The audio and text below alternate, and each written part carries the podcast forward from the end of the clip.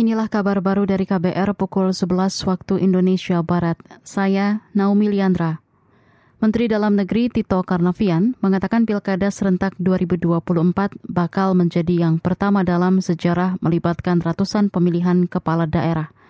Pilkada serentak, kata Tito, dilakukan agar pelantikan bisa serentak dan tidak jauh beda dengan pelantikan presiden dan wakil presiden. Sehingga kemudian ada paralel antara pemerintahan pusat, pemerintahan tingkat provinsi dan provinsi dan kabupaten kota, terutama RPJMN-nya. Sehingga tidak ada selipan-selipan pilkada di tengah yang membuat kemudian tidak sinkron antara uh, program pembangunan jangka menengah di pusat maupun yang di daerah. Itu sebenarnya filosofinya. Itu tadi Menteri Dalam Negeri Tito Karnavian. Sebelumnya, Kementerian Dalam Negeri mendorong pemilu 2024 harus berlangsung aman, lancar, sukses, dan damai. Tidak hanya itu, pemilu di Indonesia juga harus dijaga dan dirawat dengan cara-cara profesional. Pilkada serentak digelar pada 27 November 2024. Beralih ke informasi lain, Komisi Pemberantasan Korupsi KPK belum menerima konfirmasi kehadiran dari Ketua Umum Partai Kebangkitan Bangsa PKB, Muhaimin Iskandar alias Caimin.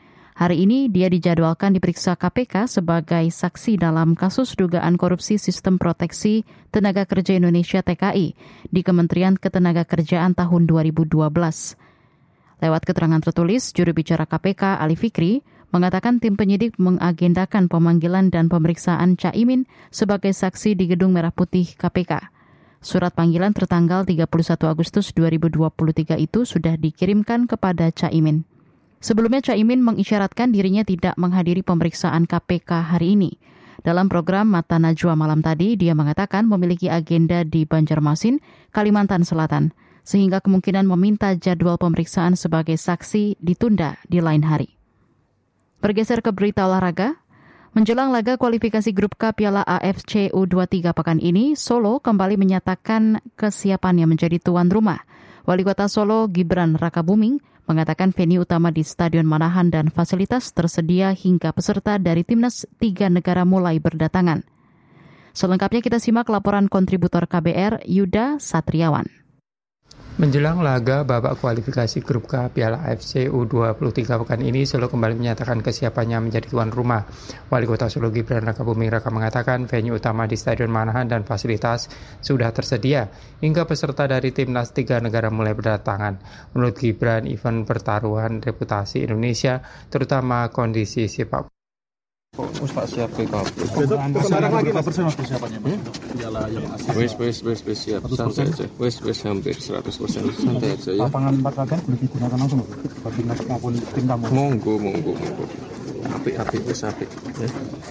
Siapa dijamin keamanan dari Aman, oh, makanya harus diberitakan. Ya. Terkait supporter nanti mas, gimana nih? Boleh nggak? perkemanan digunakan untuk batas-batasan ya siswa kan beloni Indonesia bukan klub ya. saya kira tidak ada larangan-larangan khusus lebih lanjut Gibran enggan menjelaskan tim dua negara lainnya akan datang dan berlaga di babak kualifikasi grup K Piala AFC U23 ini. Demi keamanan dan kenyamanan timnas itu tegas Gibran. Ada timnas tiga negara yang akan berlaga di babak kualifikasi grup K Piala AFC di Solo, yaitu Indonesia, Turkmenistan, dan Cina Taipei. Dari Solo, Jawa Tengah, Yuda Satriawan, KBR. Demikian kabar baru dari KBR, saya Naomi Liandra.